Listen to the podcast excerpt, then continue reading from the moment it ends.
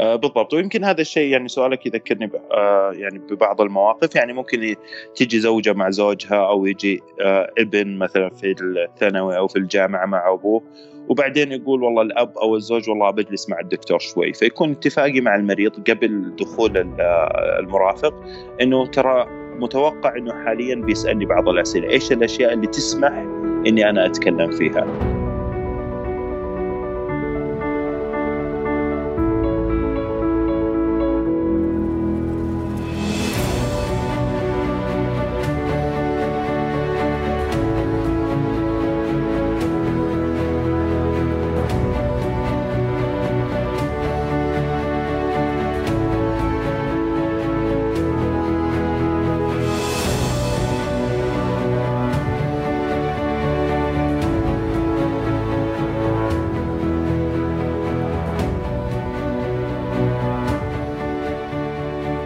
أهلا بكم يا أصدقاء. اليوم حلقتنا مع آه، الدكتور مشعل العقيل استشاري الطب النفسي. آه، تناقشنا عن موضوع من هو الطبيب النفسي في البداية. آه، بعدها ناقشنا موضوع الحقوق والخصوصية وما على المراجع ما له وما عليه كمراجع للعياده النفسية. يعني أخذنا جزء لا بأس به في نقاشنا عن هذا الموضوع وهو الخصوصية. وحقوق المراجع. آه، كذلك تعرفنا على أنواع العلاجات النفسية التي يقدمها الطبيب أو الخيارات العلاجية التي يقدمها. آه، كذلك آه، ناقشنا المركز العناية بالطالب اللي مسؤول عنه الدكتور مشعل وفكرته في الجامعة. لا تنسوا يا أصدقاء تقييم البودكاست على آيتونز. كذلك مشاركة الحلقات السابقة وما تحبون عبر منصات التواصل المختلفة. أي شخص حاب يشارك تجربته معنا هنا على البودكاست أتمنى منك أنك تتواصل معي على العنوان البريدي وهو أسامة وجدان dot com آه، لا تنسوا الاشتراك في البودكاست حتى يصلكم إشعار في حال نزول أي حلقة. وشكرا لكم. أنا أسامة بن وهذا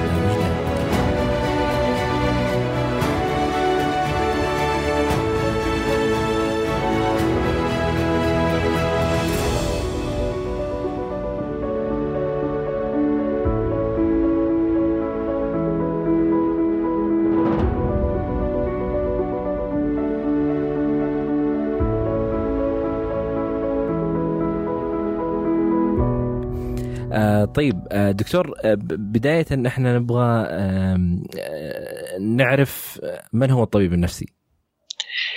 طيب الطبيب النفسي مثل يعني يختلف مثل مثل بقية التخصصات. لو قلنا مثلا طبيب الجلدية طبيب القلب عبارة عن مجموعة من يعني يختلف حسب المؤهل العلمي. ففي طبيب مقيم ممكن يسمى طبيب نفسي في أخصائي طب نفسي برضه يسمى طبيب نفسي وفي استشاري الطب النفسي فكل واحد بناء على مؤهله فلو تكلمنا مثلا عن استشاري الطب النفسي فهو الشخص اللي حصل على بورد أو زمالة في الطب النفسي من أحد البرامج المعترف فيها بالهيئة السعودية للتخصصات الصحية مع خبرة ثلاث سنوات عمل بعد البرنامج الزمالة. هذا بعد كليه الطب؟ إي طبعا بعد ما ينتهي كلية الطب وبعد ما ينتهي من سنة الامتياز يلتحق بأحد برامج الزمالة في الطب النفسي. آه فهو مثله مثل الأطباء الباقيين. مش مش ما يدرس في كلية ثانية يعني. إي لا جميع جميع الأطباء النفسيين هم خريجين كليات طب آه ممتاز. آه ال ال الآن دور الطبيب النفسي لما نجي من ناحية المنظومة العلاجية كاملة ما بين الأخصائي والاخصائي العلاج النفسي والأخصائي الاجتماعي آه والطبيب النفسي. إيش دوره في المنظومة هذه؟ طبعا هو حتى أدوار الطبيب النفسي مع الأخصائي النفسي والاجتماعي عبارة عن أدوار متكاملة واحيانا فيه اوفرلاب أو فيه مثلا تداخل ما بين الأدوار، لكن الدور الرئيسي للطبيب النفسي هو مقابلة الحالات، التقييم النفسي، آه، عرض الخطة العلاجية، وصف العلاج الدوائي، متابعة الحالة آه، فيما بعد. آه، في التش... بمعنى هو الوحيد اللي يكون عنده التشخيص آه هنا لا في اختلاف شوي ففي بعض مثلا بعض الأخصائيين النفسيين المتخصصين مثلا بدراسات متقدمة في علم النفس العيادي يكون عندهم إمكانية التشخيص. آه ممتاز.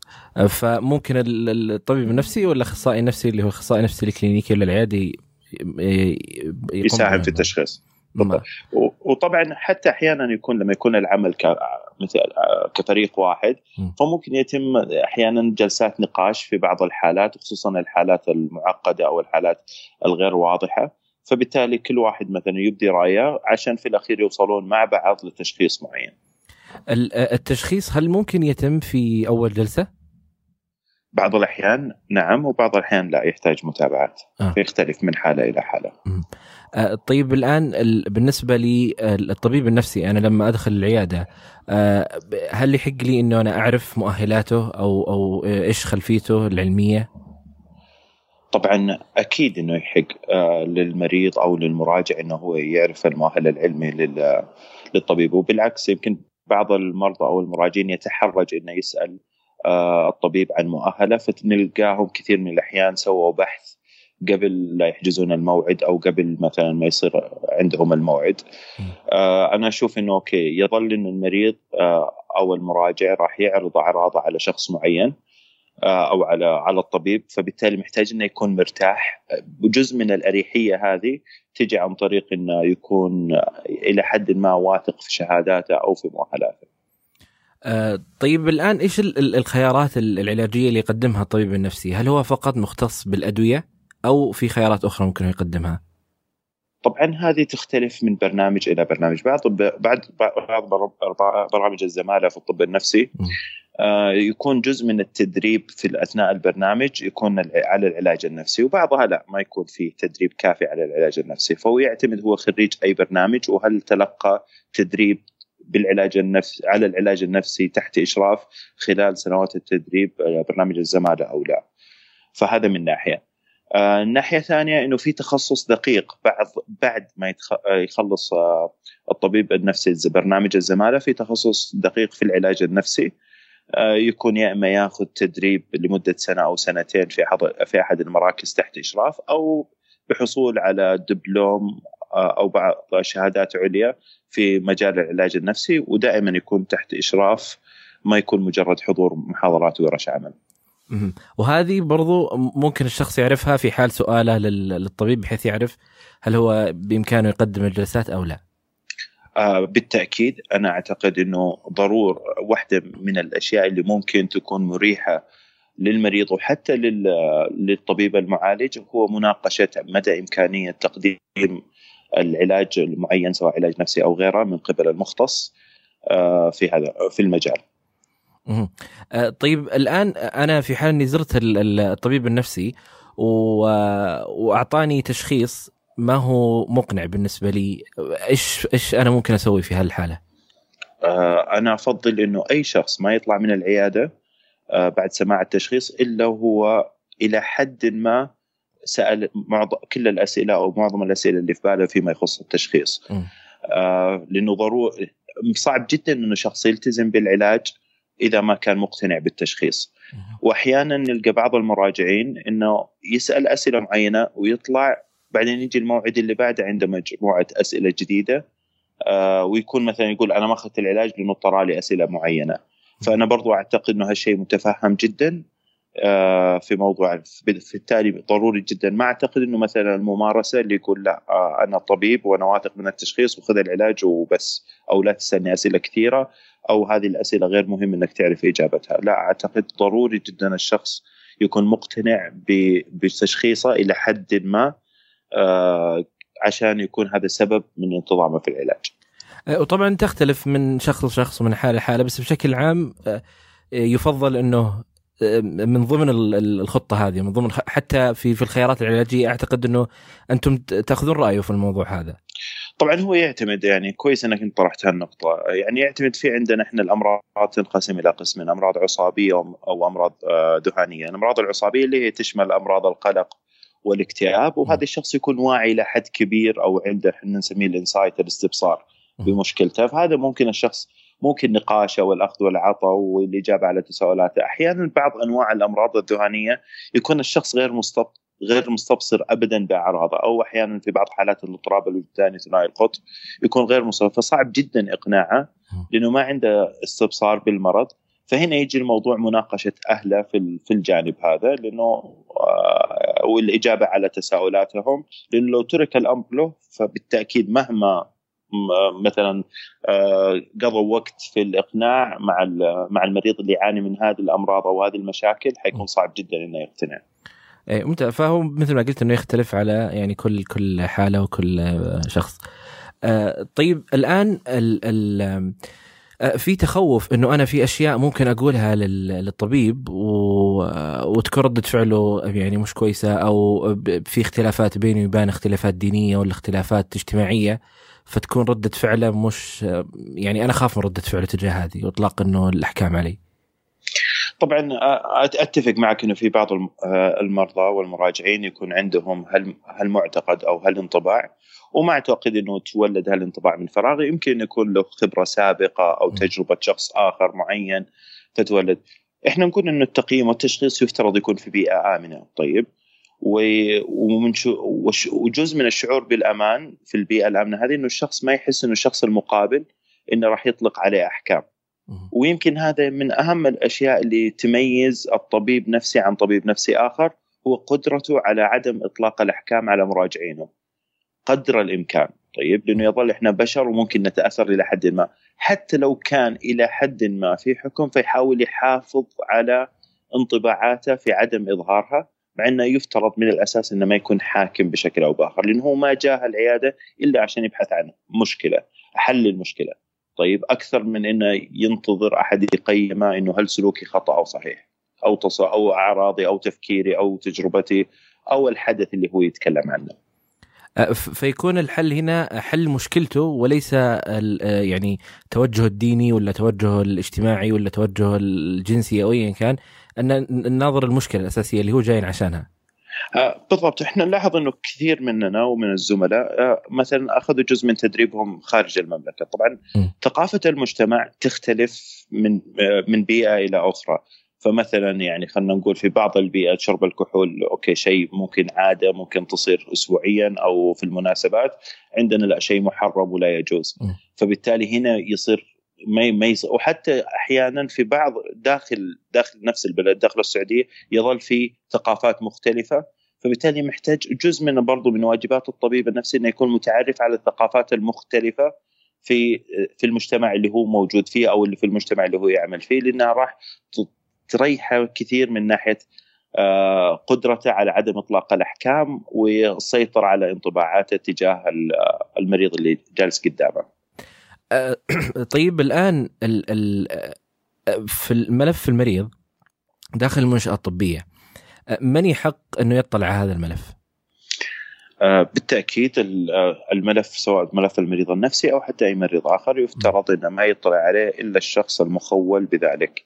طيب خلينا نقول إنه مثلا كانت في تش أيام آه وفي طبعا احتياطات من هالناحية حتى احتياطات إدارية ونظامية فمثلا لو مريض توقع خصوصا مع الملفات الإلكترونية الحالية لو مريض توقع إنه في شخص اطلع على معلوماته أو بياناته وتقدم بشكوى للمستشفى فيراجعون فعندهم القدرة للرجوع للنظام والسيستم ويراجعون كل اليوزرات أو المستخدمين اللي دخلوا ملف الشخص هذا وبالتالي أي شخص من داخل المستشفى دخل إلى ملف المريض دون وجه حق يعني بدون ما يكون هو مراجع عنده أو في سبب واضح راح تتم مساءلته فبالتالي هو حق من حقوق المريض إنه ما يطلع على بياناته وملفه إلا الأشخاص القائمين على علاجه أو اللي لهم علاقة بعلاجه. فهو ما هو يعني ما هو يعني في شيء أيضا تنظيم إداري لحفظ الخصوصية هذه. جدا جدا سواء سواء في التخصصات الطب النفسي أو أي تخصص ثاني هذا تنظيم إداري داخل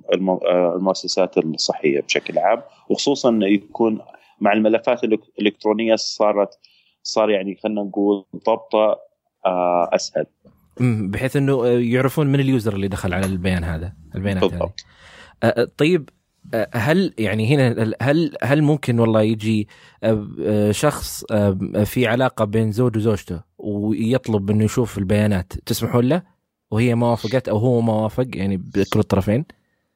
آه طبعا okay سواء سواء بسؤال أو باطلاع على ملف أو حتى بمقابلة دون موافقة المريض نفسه بغض النظر عن صلة القرابة إذا كان المريض بالغ عاقل راشد فلا يحق للطبيب إنه مثلا يجاوب على تساؤلات معينة دون أخذ إذن صريح وواضح من المريض نفسه. حتى في اللي هي النقطة إنه والله مثلا آه، نبغى آه، نسأل أهلك في نقاط معينة، رفض خلاص رفض.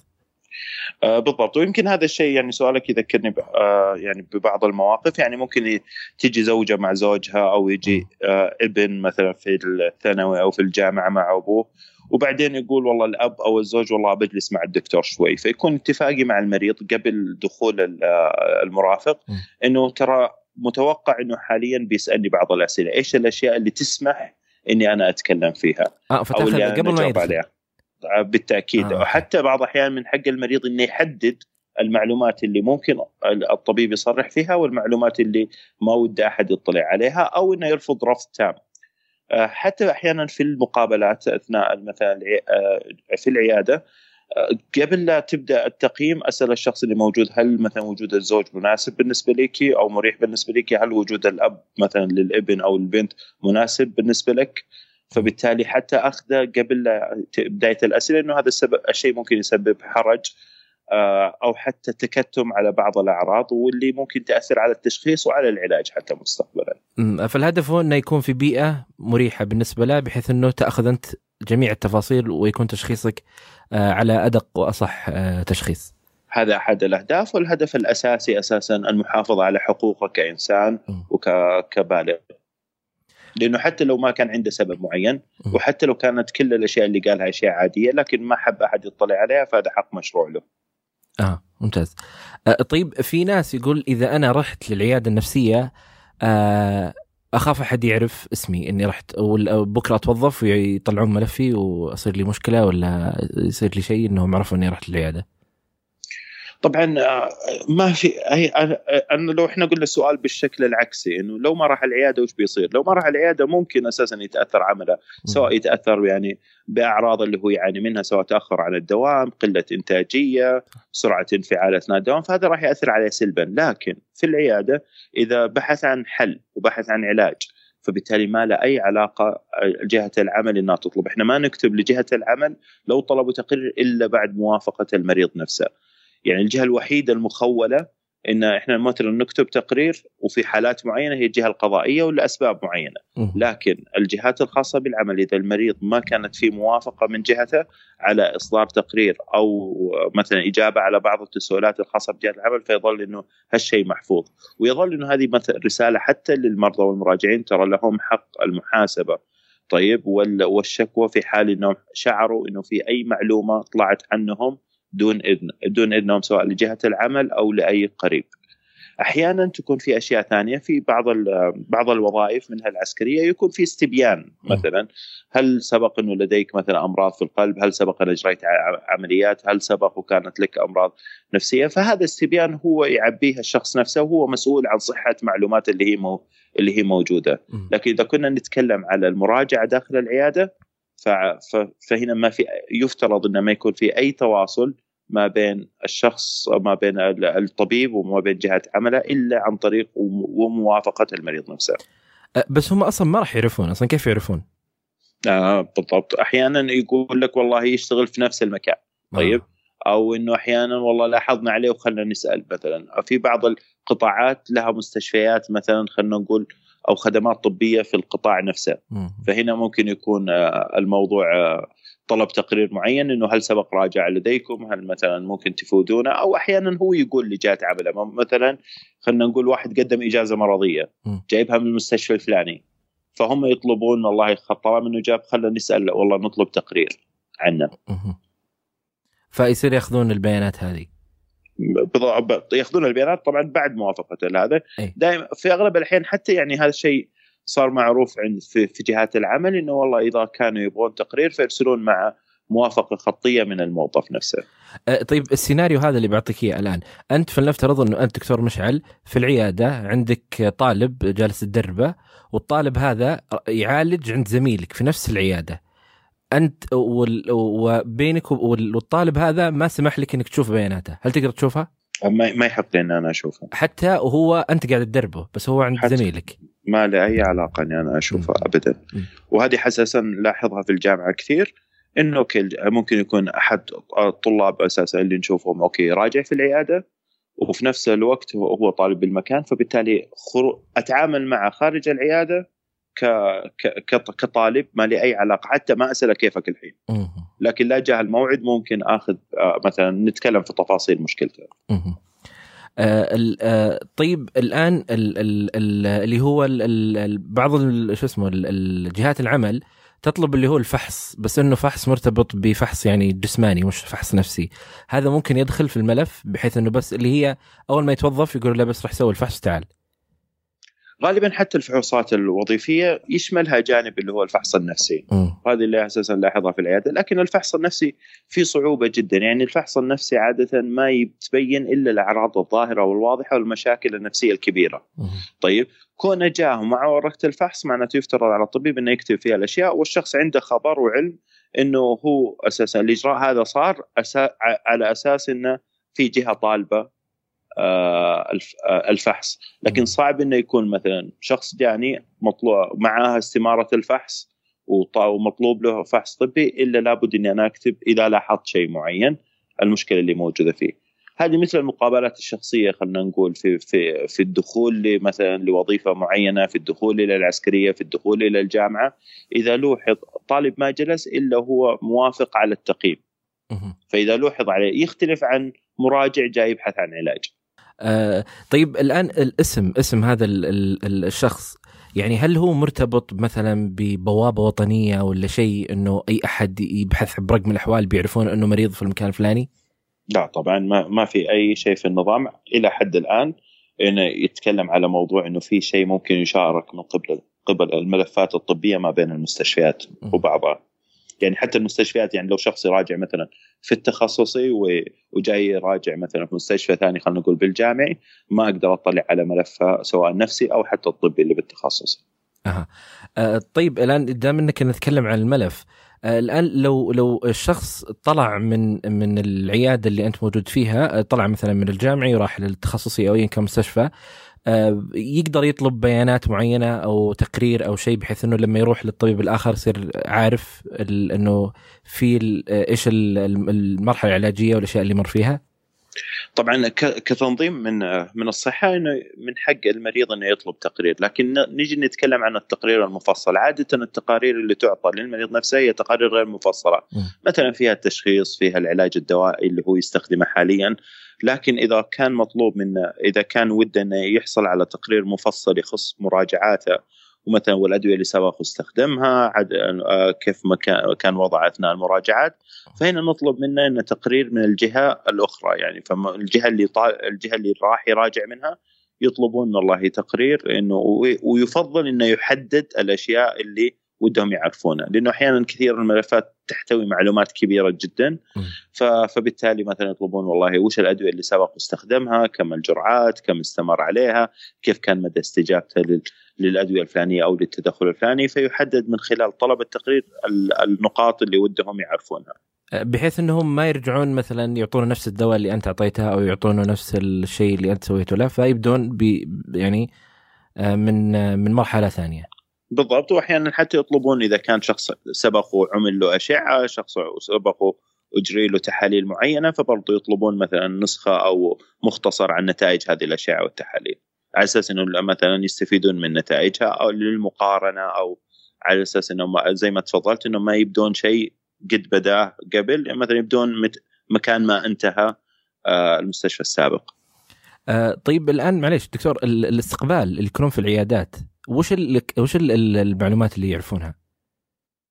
ما يعرفون الا إلا الشخص عنده الموعد في اليوم الفلاني في الوقت الفلاني وإذا طلع يعرفون إن الدكتور أعطاه موعد بعد الفترة الفلانية. أحيانا يكون إذا مثلا في إجازة مرضية أحيانا بعض حسب المستشفى المستشفى تختلف فمثلا يكون وظيفة اعتماد الإجازة أو إنهم يرسلونها للمكان اللي هو يعتمدها. آه فهذه بس بدون أي تفاصيل ثانية. حتى آه، يعني معلش يمكن طولنا في موضوع الخصوصية بس لأنه دائما تجيني أسئلة عن الموضوع هذا ويهمهم إنه يعرفون هذا الشيء. يعني حتى الآن النقاش اللي يتم بين الأطباء وبين الأخصائيين أو في المرحلة العلاجية هو يتم في أيضا في مكان مغلق في مكان في خصوصية أيضا حتى النقاش هذا. يفترض النقاش عادة إذا طلع من العيادة حتى ما يكون فيه مثلا طرح للاسم آه بشكل كامل يعني يظل النقاش اللي ممكن يوصل للهدف المنشود.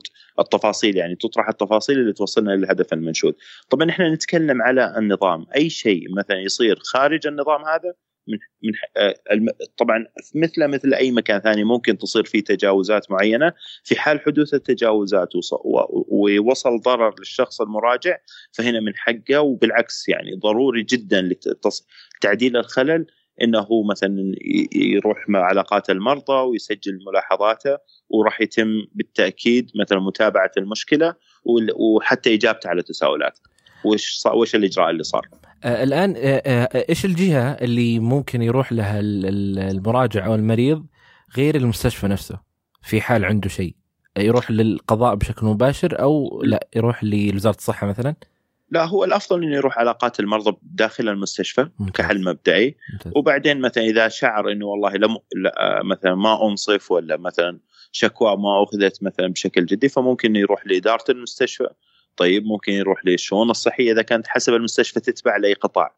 طيب فبالتالي يروح للدرجة الأعلى من القطاع اللي هو من من من المكان اللي كان مثلا خلينا نقول تكلم معهم أو قدم شكوى فيه، لكن يبدأ كخطوة أولى علاقات المرضى موجودة في كل مستشفى من مستشفيات المملكة آه واذا ما إذا ما شعر إنه هو مثلا مقتنع بالتدخل اللي صار أو بالتعامل اللي صار فبالتالي يروح لإدارة المستشفى نفسها. اللي هي الخدمات الخدمات الطبية. آه ممتاز وطبعا يختلف إذا كان والله القطاع عسكري ولا قطاع على حسب المستشفيات وتقسيمها يعني في في اللي فوقه. بالضبط. آه طيب الآن دكتور فيما يخص العيادات الداخلية أو اللي هو التنويم داخل المستشفى. آه وكم عندنا إحنا أول شيء من مستشفى فيه عيادات آه اللي هي الإنبيشنت؟ حاليا حاليا إذا نتكلم على مستوى الرياض ففي ثلاث مستشفيات حكومية اللي تقدم خدمة التنويم الداخلي اللي مستشفى مجمع الأمل واللي هو حاليا إرادة ومستشفى الملك خالد الجامعي ومستشفى العسكري القوات المسلحة. آه طيب الآن فيما يخص آه، دور الأهل آه في العملية العلاجية. آه هل هو مهم ولا لا؟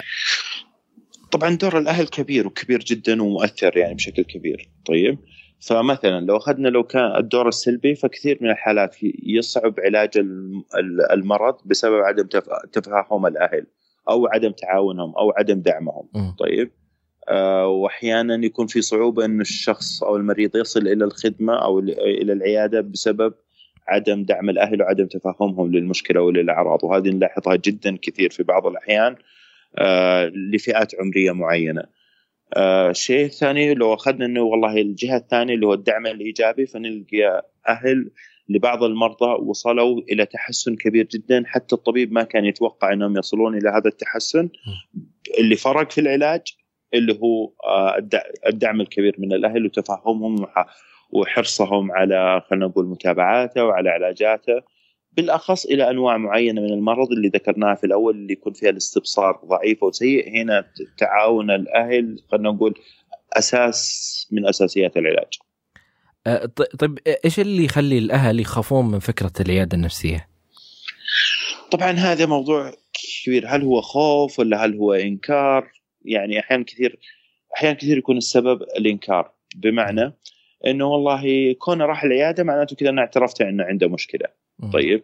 أحيانا يقولون والله لا أنا ما ودي أودي العيادة عشان ما ودي ما يعتمد على العيادة وعلى الأدوية عشان يعتمد على نفسه.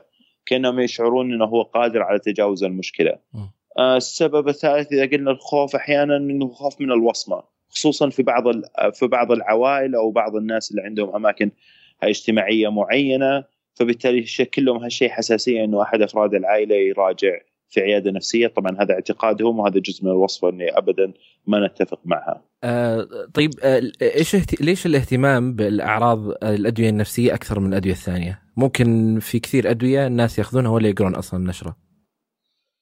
آه يمكن أحد الأسباب إنه يكون الشخص أساسا متردد إنه هو يجي العيادة طيب فبالتالي تردده في يجي العيادة فيدور سبب عشان والله يكنسل الخطة العلاجية مثلا لو شخص يبي يروح مكان اجتماعي معين أو مناسبة اجتماعية معينة وكان ما وده يروح لكن بسبب آه، خلينا نقول آه، الضغط الاجتماعي بسبب إنه واجب من الواجبات الاجتماعية قاعد يروح غصب عليه.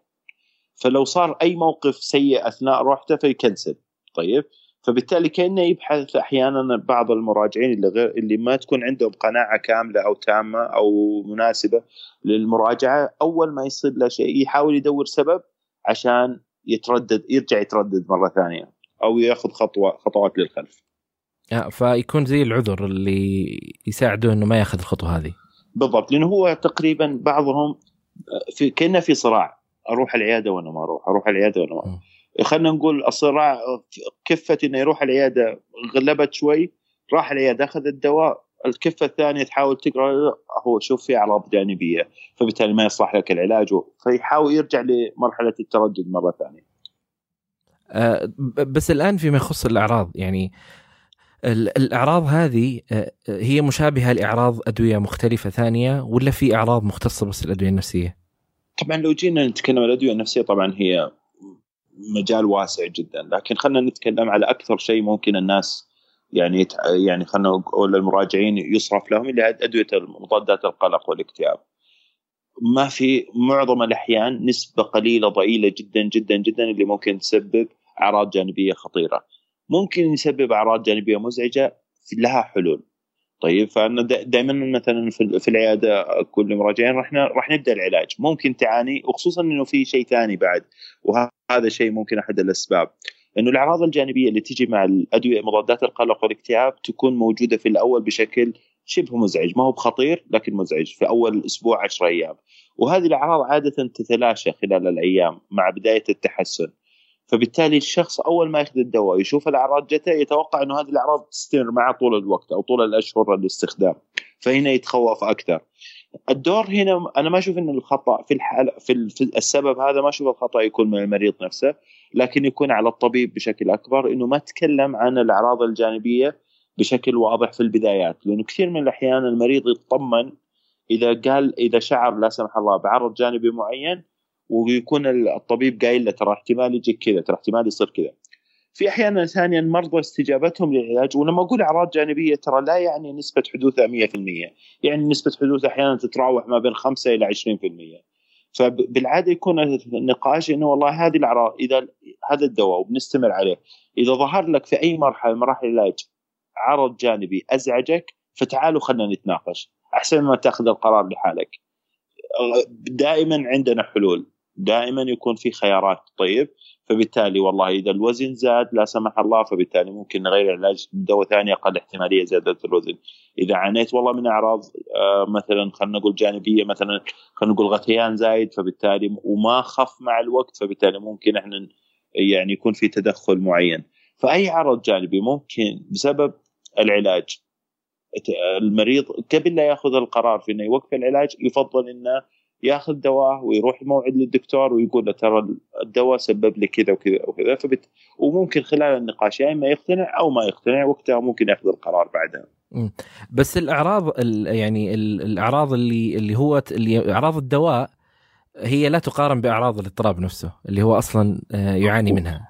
هو يفترض إنه الدواء يعني عندنا إحنا منفعة مكسب أو خلينا نقول خسارة من سواء من المرض أو من الدواء. إيه؟ إذا ما كانت منفعة الدواء أكبر من خسارة المرض فيفترض إنه ما يأخذه. فيفترض إنه الدواء المنفعة اللي يأخذها الشخص أو يصل ولا يعني أكبر بشكل بشكل واضح وكبير. ما هو أكبر بس بشوي. لأنه الهدف أنا ليش ليش المريض يأخذ الدواء؟ إلا عشان يعيش حياته بشكل أفضل. فإذا كان الدواء مو قاعد يخليني أعيش حياتي بشكل أفضل فلا الأفضل, إني أبقى على مرضي. بحيث إنه الأعراض هذه ما ما تساوي الاضطراب اللي أنا أمر فيه أو الأعراض المرض نفسه. بالضبط واحيانا برضو إنه بعض الأدوية لبعض الأمراض خلينا نقول الدهانية ولا شيء يكون أعراضها الجانبية أمانة مزعجة إلى حد ما، لكن في المقابل الأعراض كمان ممكن تشكل آه، تشكل إزعاج أكبر حتى سواء على المستوى القريب أو حتى على المستوى البعيد. فهنا يجي الواحد إنه يحاول يوازن ما بين المنفعة والمضرة من العلاج والمنفعة والمضرة من المرض نفسه. آه الآن هل ممكن الشخص يدخل كذا في دوامة آه مع الأدوية النفسية والعادي يتركها ابدا طوال حياته؟ آه طيب هذه فكرة موجودة عند كثير من المراجعين أحيانا المشكلة ما هو لا من الدواء ولا هي من الطبيب ولا هي من المشكلة من المرض نفسه. بعض الأمراض ممكن الشخص يستخدم الدواء عدة أشهر ويتخلص منه ويتخلص منه والحمد لله يكون بعيد عن الأعراض. وبعض الأمراض هي بطبيعتها مزمنة. فالإشكالية مو إشكالية ان أخذ العلاج أو ما أخذه. الإشكالية إنه للأسف المرض موجود.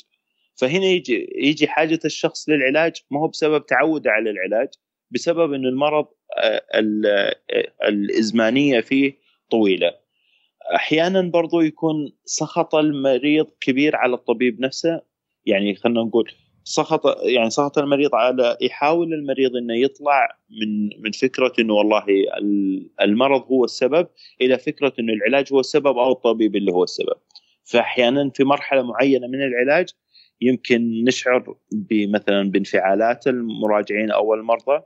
ومثلا تذمرهم من المرض لكن خلينا نقول من الشخص اللي يجسد المرض بالنسبة له العلاج الدوائي أو الطبيب نفسه.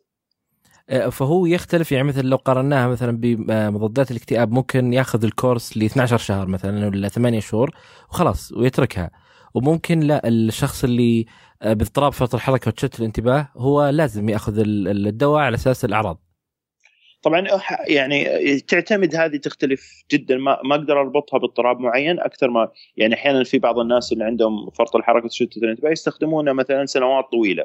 وفي بعضهم بس يستخدمونه خلينا نقول في سنوات الطفولة وتكون الأعراض مثلا تدريجيا تقل كل ما كبر الشخص. وفي نفس الوقت الاكتئاب. في بعض مثل ما تفضلت تستخدم الدواء 8 9 أشهر وبعدين نوقف الدواء وتكون اموره كويسة. وفي أشخاص لا للأسف يحتاجون انهم يستمر لسنوات.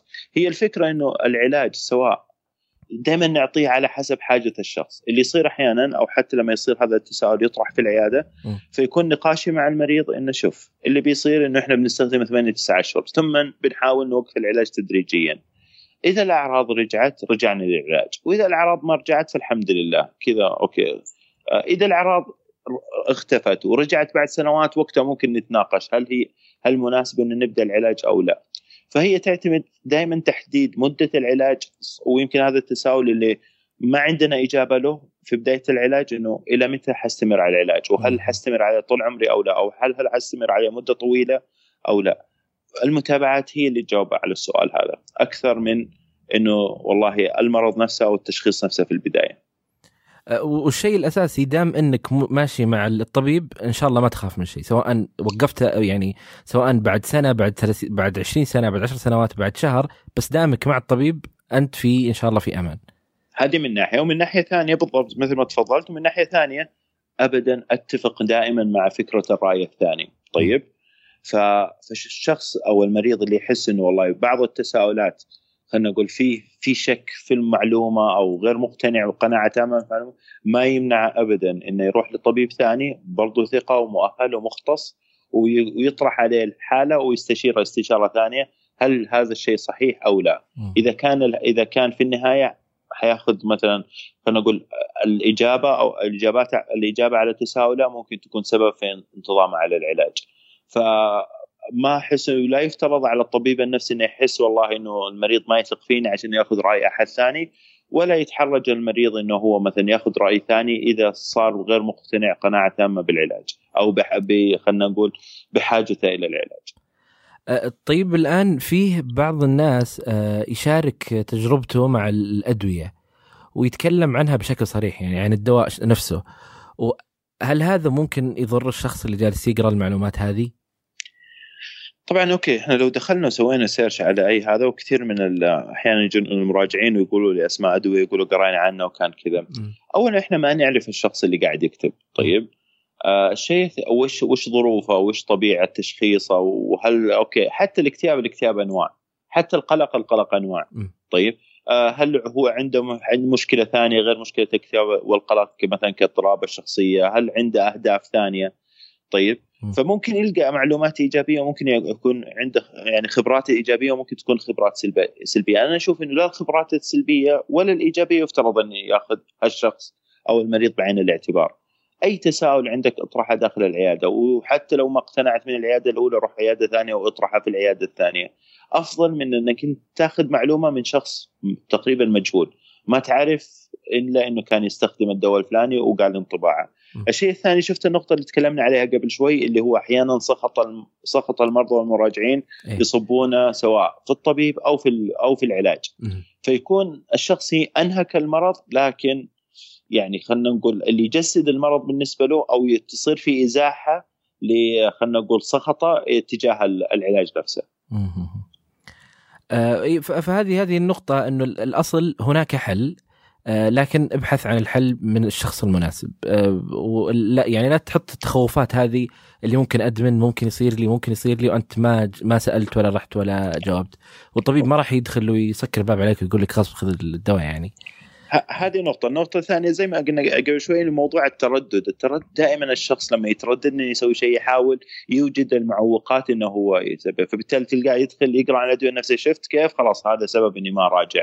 فهو أساسا متردد إنه هو يروح العيادة لسبب آخر وأنا أنا ما ألوم الشخص إنه هو والله في معاناة معينة يحاول قدر الإمكان إنه هو يتخطى المعاناة خلينا نقول بدون مساعدة دواء أو طبيب، لكن أحيانا المعاناة لما تبدأ تأثر على حياتي سواء الدراسية أو الوظيفية أو حتى الاجتماعية بشكل مزعج فحرام إني أنا أخسر في حياتي لسبب ممكن تعديله وتحسينه وعلاجه.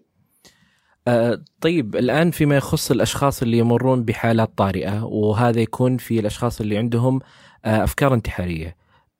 إيش الوسيلة المناسبة ولمن يروحون؟ طبعا يمكن الوسيلة المناسبة الحالية ونتمنى المستقبل انه تكون في وسائل آه، مناسبة أكثر اللي هو موضوع الطوارئ طوارئ المستشفيات كل طوارئ المستشفيات تستقبل الحالات اللي ممكن يكون لها أفكار انتحارية آه الشيء الثاني اللي هو أحيانا يكون خلينا نقول والله غير قادر إنه يروح المستشفى ممكن اتصاله مثلا بالإسعاف طيب أه. لأنه هذه تعتبر أحد الحالات الطارئة مستقبلا نامل انه يكون في خط مساندة للانتحار على أساس إنه برضو يكون في شخص يوجهه ويتابعه لحد ما يصل إلى مكان آمن آه، ممكن ومكان ممكن يساعده يعني خلينا نقول للتعامل مع هذه الأفكار. آه أي بس في المرحلة الحالية قد تكون الطوارئ هي الأفضل حل. الطوارئ أو الإسعاف أو الاتصال بالإسعاف. آه طيب دكتور آه أنتم عندكم في الجامعة عيادة نفسية خاصة بالطلاب. آه هذه اللي اللي جميع الطلبة بإمكانهم يزورونها متى ما يحبون وهل هي موجودة فقط عندكم في الجامعة أو إذا تعرف أو لا مطبقة في الجامعات الثانية؟ طبعا أول شيء شكرا طرحك هذا السؤال آه لأنه أعتقد كثير من متابعين آه البودكاست آه من الفئة العمرية أو من المرحلة الجامعية. طبعا كانت في فترة من الفترات الخدمات النفسية الجامعية إلى حد ما أقول إنها مهملة لكن إلى حد كبير أقل من المأمول. حاليا في الفترة أو في السنتين الأخيرة صار حراك قوي لتحسين هذه الخدمات اللي تهتم بالصحة النفسية عند الطلاب. طبعا الخدمات النفسية آه، أحد أحد أو المراكز النفسية أو سواء مراكز الإرشاد أو مسمياتها تختلف من جامعة إلى ثانية. لكن جامعة الملك سعود بن عبد العزيز للعلوم الصحية مسماها مركز العناية بالطالب. عبارة عن مجموعة خدمات أحد خدماتها العيادة. الحصول على الموعد في الجامعة طبعا متاح لجميع طلاب وطالبات الجامعة. آه، حاولنا قدر الإمكان إنه يكون أسهل ما يمكن سواء باتصال مباشر أو إرسال إيميل أو الحضور إلى المركز وتعبئة النموذج. فيمكن في البدايات كان ما فيه إقبال أو كان الإقبال ضعيف جدا على إلى حد ما يعني في الأسبوع ما نشوف إلا طالب أو طالب أو طالبين لكن مع لكن مع مع العمل ومع ثقة الطلاب خلينا نقول بالخدمات المقدمة داخل المركز نلقى إن الأعداد تزايدت خصوصا إذا ما عرفنا إن المرحلة العمرية هذه مرحلة جدا مهمة لعدة أسباب. اولا كثير من الأمراض النفسية أو الاضطرابات النفسية تبدأ أعراضها في المرحلة هذه فالتدخل المبكر مهم جدا.